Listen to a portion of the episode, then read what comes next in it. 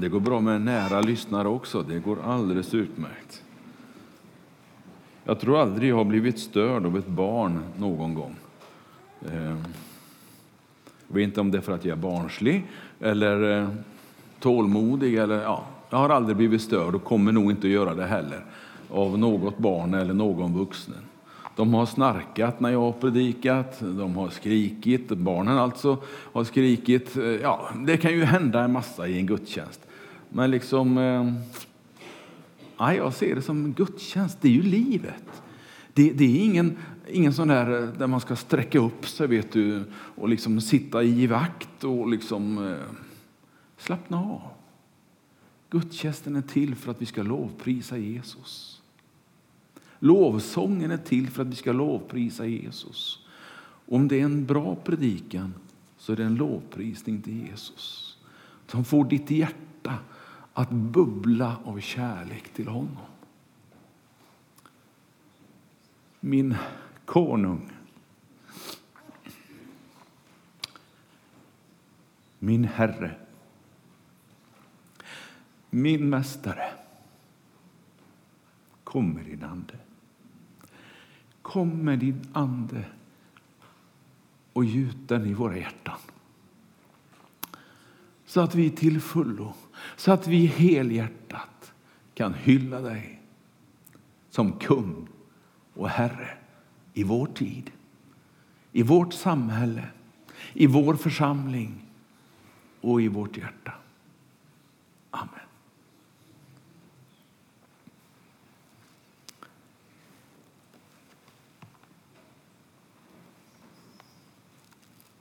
Det är en glädje att få predika över det ämnet. Jag gick hemma och funderade lite grann över några varianter på rubriken. När Jesus är kung. var en variant. Så bytte jag det där n och satte dit ett d. Det blev lite närmare Jesus. Det blev lite mera nära min konung, där Jesus är kung. Det kommer vi att fundera på lite grann och jag ska berätta hur jag har funderat omkring det uttrycket, där Jesus är kung. Och Ingrid läste Johannes 18, 28-38 och där har jag mina versar, tre stycken som kommer att dyka upp under resans gång här. När Nya testamentet talar om Jesus som kung så kan det lätt tolkas lite fel om man då jämför det med kung Karl XVI Gustav. Och så tänker man kung som kung. Men nej, inte riktigt så. Ja, det är egentligen inte mycket som stämmer överens mellan de här två kungarna. Vår kung som finns uppe i Stockholm och bor på Drottningholm i Ekerö kommun där vi har bott. Det var vi och så var det kungen som bodde i den där kommunen. Ja, det var väl några till. Eh, men han har ju enbart en cere... nu ska vi se nu. ceremoniell, det var rätt va? Mm. Eh, och en representativ makt.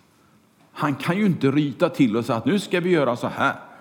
Utan han får på sin höjd hoja, hålla i klubban och säga välkommen eh, någon gång om året när de har konselj upp hos kungen. Eh, och han får tala lite grann till riksdagen när det högtidligt öppnas. Men i övrigt så har han inte mycket att säga till om. Ja, lite har han tydligen att bestämma över sina barn, har vi ju läst under hösten här och sådär. Men, men eh, någon makt att styra Sverige, nej, det har han inte.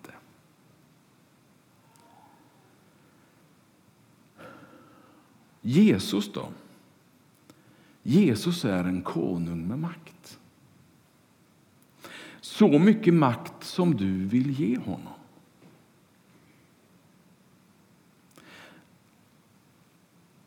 Han är kung i församlingen, förstår jag.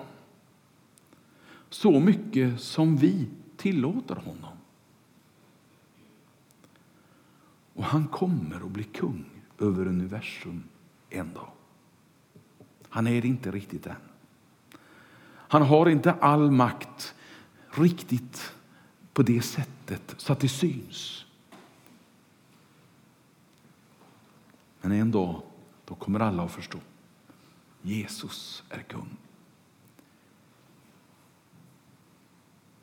Och jag har tre punkter, förvånande nog. Tre versar, vers 33, 36 och 37, som jag tänker stanna vid lite grann. Vers 33, ska vi titta på den lite grann? Där står det så här, och nu har ni ju fått sammanhanget så nu behöver jag inte dra det. Pilatus gick tillbaka in i pretoriet och lät kalla in Jesus och frågade Ja, så du är alltså judarnas kung? Lite sådär frågetecken efter. Han var lite osäker, Pilatus. Jag förstår honom. Han hade ju ingen aning om och förstod inte allt som hände i det judiska samhället. Men här var det ju översteprästerna som anklagade honom för att bli av med honom. Ingrid läste att eh, de ville faktiskt döda honom. Men de hade inte den möjligheten, så de gick till Pilatus som kunde utfärda en dödsdom. Det här är ju en påsktext, jag vet. Men jag kunde inte låta bli. Jag tycker om påsk. Jag vill ha påsk mer och längre.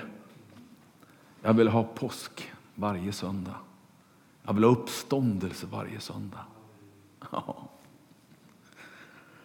Judarna väntade på sin konung. En konung som liknade kung David. En konung som eh, förde judafolket fram i, eh, i segertåg. Som sträckte ut sina gränser så man tror att gränserna gick från Medelhavet där Israel ligger idag och en bra bit in i Syrien, kanske ännu längre bort. Det var ett vidsträckt område och några drömmer fortfarande om att få detta liknande område som David regerade över också i dagens Israel. Det kanske inte är min högsta dröm. Och jag profeterar inte om det heller och förkunnar inte om det.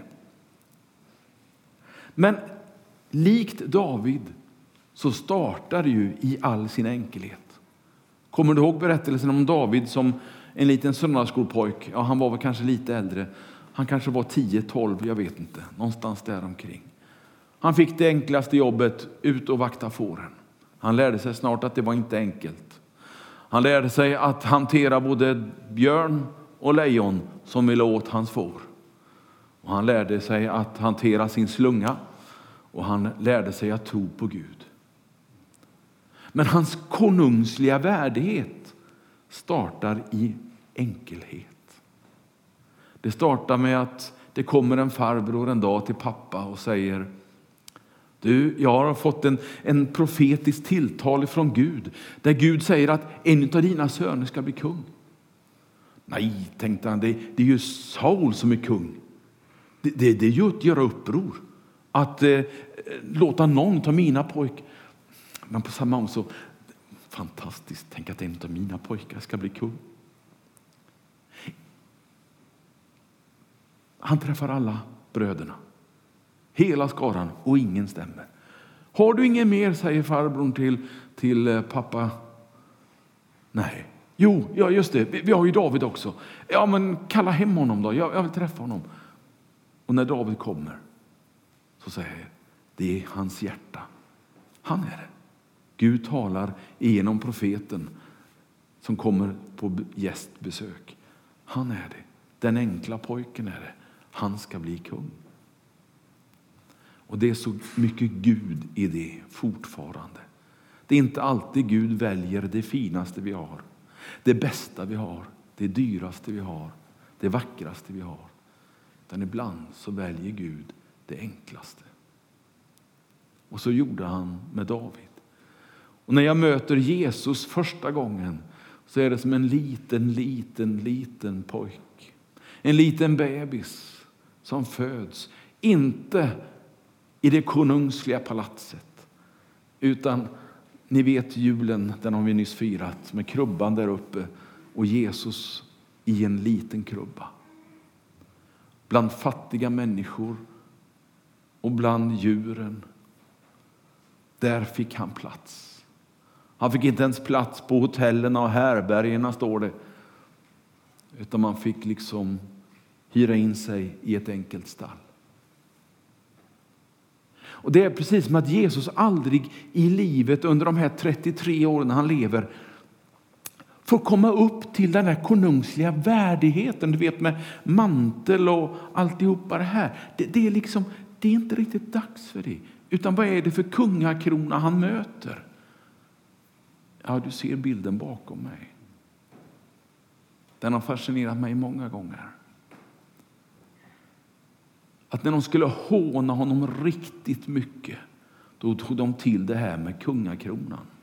Och så tryckte de ner den på huvudet och sa, här har du din kungakrona.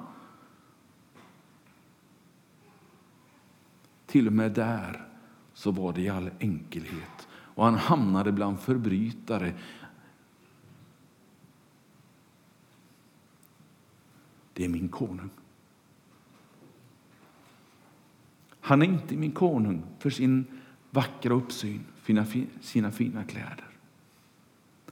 Han är min konung för han har frälst min själ. Han är min kung. Inte för att han lägger så stor mark under sina fötter, likt David. Men han är min konung för han har räddat min själ. David hade ju ett jätterike, sa jag. Vad har Jesus för, för rike då? Hur är hans rike? Ja, vers 36 ska vi titta på. Där står det. Den kommer upp bra. Det är skönt när de är vakna där nere vid, vid datorn. Mitt rike, säger Jesus på svaret, är inte av den här världen. Nej. Jaha, där följer ju hela Davidstanken då. Eh, det måste ju ha varit en besvikelse för de som lyssnade på honom. Hade mitt rike varit av den här världen, ja då hade ju mina tjänare kämpat för att jag inte skulle utlämnas till judarna. Då hade jag ju haft den här som var här, sa han, för att eh, fightas för min skull. Det fanns tolv vettförskrämda lärjungar i närheten. Det var allt. Men nu är mitt rike inte av den här världen. Var finns hans rike? Jag sa att Davids rike var en av de mäktigaste rikena som en jude känner till. Det var inte långvarigt. Och när han eh, så småningom eh, dör och hans son Salomo kommer in så finns riket kvar, men sen delas det upp. Och eh, mäktigheten, makten, den går till spillror. Men kanske att Jesu rike är som mäktigast när det får vara i mitt hjärta. I ditt hjärta. I vårt hjärta. Kanske att det är där som Jesus vill placera sitt rike i vår tid. Det kanske inte är här ute på någon eh, vacker plats i första hand. Inte i kyrkan i första hand. Ser du någon tron här? Nej. Inte ens här har han en geografisk plats på det sättet för sitt rike. Utan jag tänker mig, och när jag läser min bibel så förstår jag att hans rike, det är i ditt och mitt hjärta.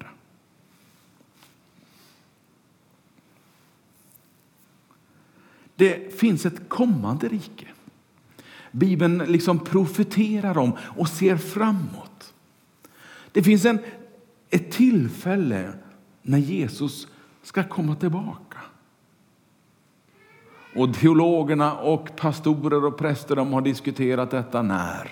De har diskuterat detta hur. Och de har diskuterat så mycket kring detta faktumet. Jag gör inte det utan jag bara längtar. Tänk en dag, då kommer han att på nytt rida in i Jerusalem. Snart är det påskhögtiden, det har jag sagt förut idag. Men det kommer en palmsöndag när han rider in på en åsna. Men det kommer en framtida Jesus som rider in i Jerusalem igen. Och då, ja, jag undrar inte på om han har en vacker kungakrona och en mantel, jag har ingen aning. Men han kommer att rida in i sitt Jerusalem som konungars konung och herrars herre. Och det kommer säkert att direktsändas på tv, men jag önskar inte att någon av oss skulle få vara med och se det. För jag hoppas och tror att då, då är jag i himlen på någon vänster. Det är min tanke, det är min vision av det hela.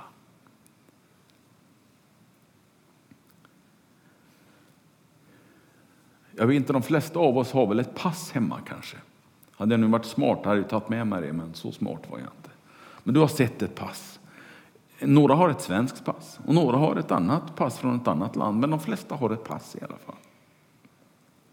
Det vill säga, vi är medborgare i ett land någonstans.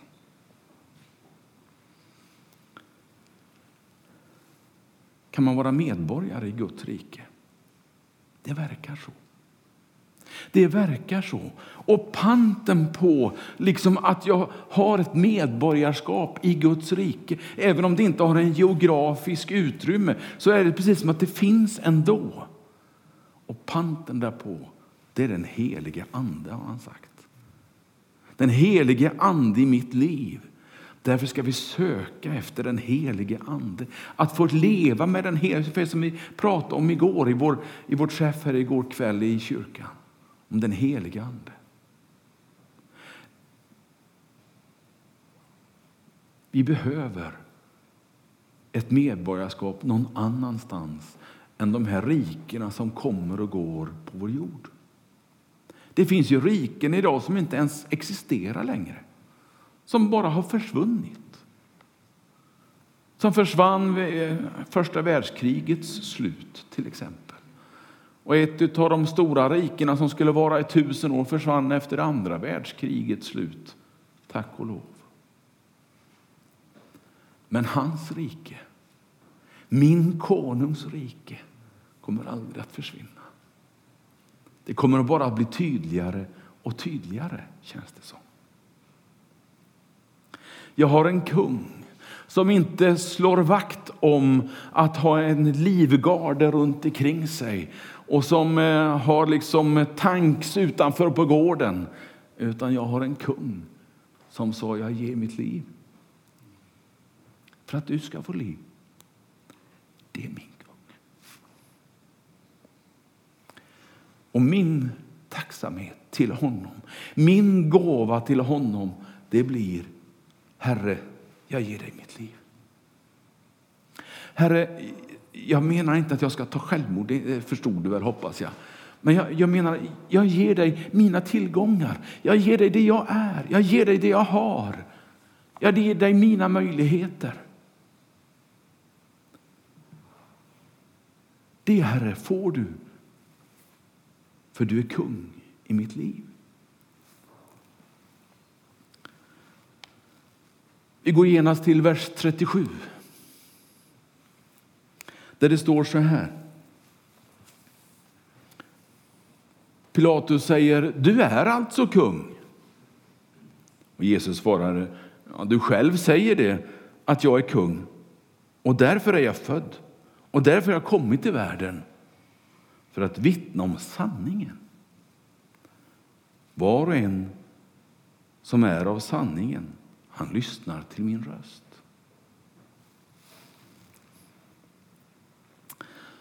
Pilatus och Jesus, det samtalet det, det, har ju blivit världsberömt för egentligen en kort fråga som inte ingår i, i min predikan idag, men vi kan väl dra den ändå. Eh, vad är sanningen då, kommer det ju sen. Och det har ju Jesus sagt. Han sa det ju till lärjungarna i Johannes 14. Jag är, vad sa han? Vägen. Aha. Och så, Ska vi ta alla tre har vi börjat. Men jag är sanningen, säger han. Och här är det som om man säger att jag är sanningen, jag är konungen av sanning. Och om du lär känna mig så får du sanningen. Om du lär känna mig så lär du känna sanningen. Sanningen om vad då? sanningen om Gud. Om att Jesus är Guds son och visar hur Gud är. Den sanningen får du när Jesus blir kung i ditt liv. Sanningen om dig själv och människan och Guds kärlek till dig och mig. Sanningen om frälsningen. Vår räddning, min räddning undan syndens lön. Sanningen om ett heligt liv, att leva så nära Gud som det bara går. Att ha så mycket av Jesus i mitt liv som det bara går. Om framtiden. Sanningen om framtiden, det är en evig gemenskap med Jesus Kristus som sträcker sig bortom döden, bortom... Vi hade begravningsgudstjänst här igår, en vacker fin begravningsgudstjänst för Alice Hugosson. Och då påminner jag varje gång om hoppet som sträcker sig genom livet och rakt igenom döden och bortom döden. Och min konung, han är sanningens konung. När jag lär känna honom så lär jag känna hoppet om det eviga livet.